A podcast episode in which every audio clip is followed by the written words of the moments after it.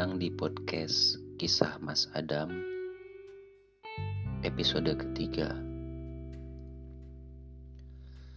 Gue mau lanjutin cerita kenapa gue bisa kuliah S1 sampai 7 tahun.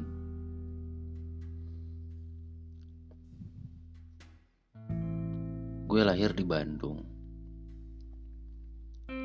Besar di Bandung sampai lulus kuliah, gue di Bandung.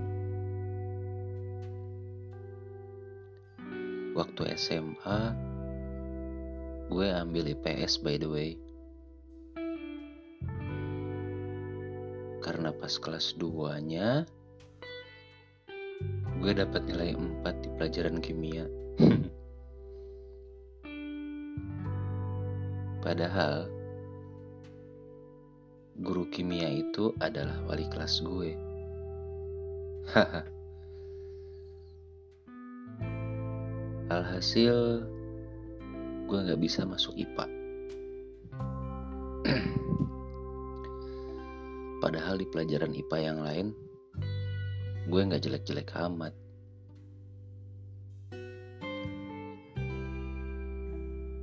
Tapi IPS juga asik kok.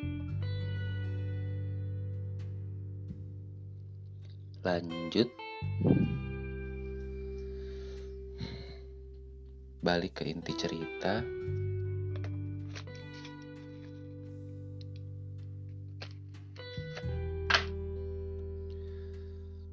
Gue kuliah di kampus negeri yang ada di Jatinangor. Pasti udah pada tau lah nama kampusnya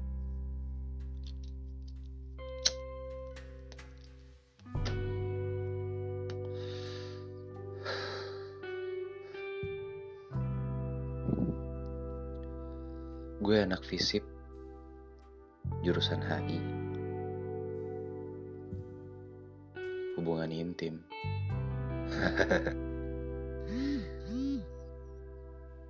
no, no, no, no, no. Hubungan internasional.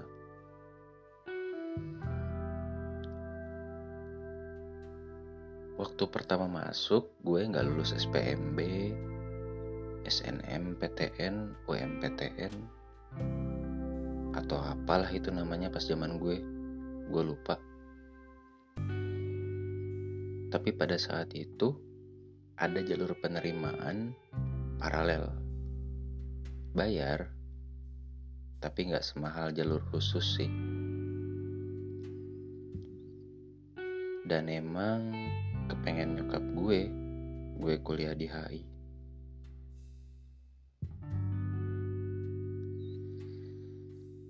Singkat cerita, gue itu anaknya pacaran banget. Atau kalau zaman sekarang, bucin kali ya. Budak cinta. Jadi waktu itu gue bukannya kuliah di kampus sendiri, tapi malah kuliah di kampus cewek gue, nemenin cewek gue kuliah di kampusnya karena kita waktu itu beda kampus. Ditambah di tahun keempat gue kuliah, gue coba ngelamar kerja sebagai customer service representatif di minimarket yang lambangnya huruf C sama K. Hehe, pasti pada tahu lah. Iya, Circle K. Namanya aja keren. Customer Service Representatif. Padahal job desknya kasir-kasir juga. Kasir. Tapi lumayan lah. Waktu itu buat tambah-tambah uang jajan sama uang buat pacaran. Niat gue sih gue kerja bisa sambil kuliah.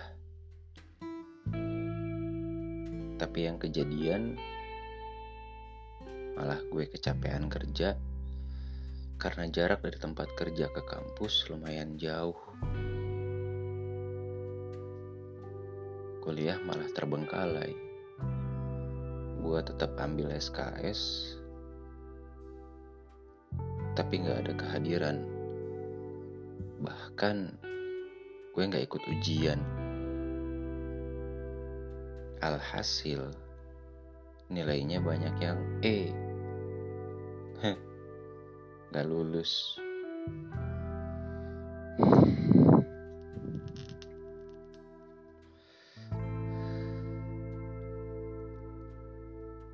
Setahun sebelum DO di 2011 itu,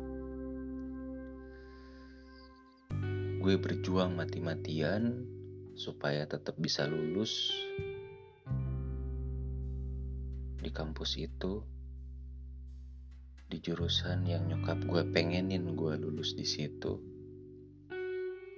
Dan sempat kepikiran waktu itu buat pindah kampus dan transfer nilai.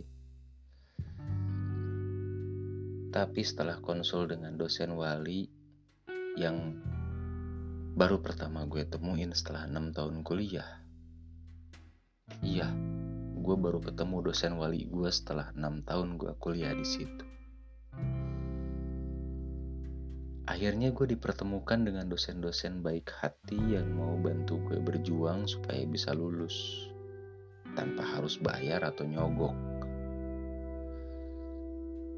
Begitu dapat kesempatan itu,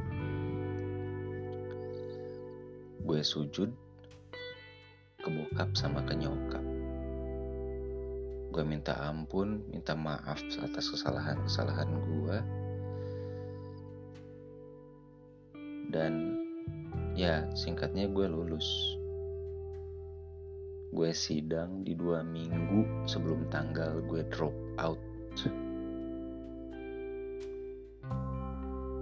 Gue lulus dengan IPK 2,77 gak bagus-bagus amat tapi aman buat ngelamar kerja ke sana sini. Bahkan kalau gue mau, IPK-nya masih cukup buat gue ngelamar jadi PNS.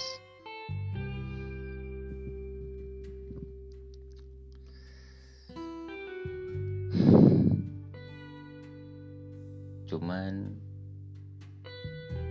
ada satu hal yang bikin gue gak bisa jadi PNS.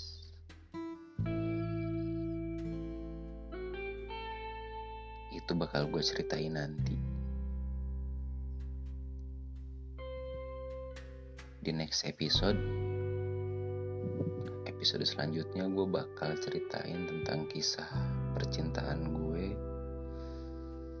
yang di waktu gue kuliah itu banyak ngebuang waktu gue. Unik dan memacu adrenalin loh.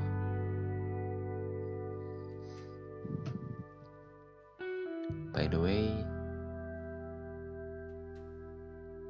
follow dong podcast gue, kisah Mas Adam, supaya agak semangat aja gitu upload podcastnya.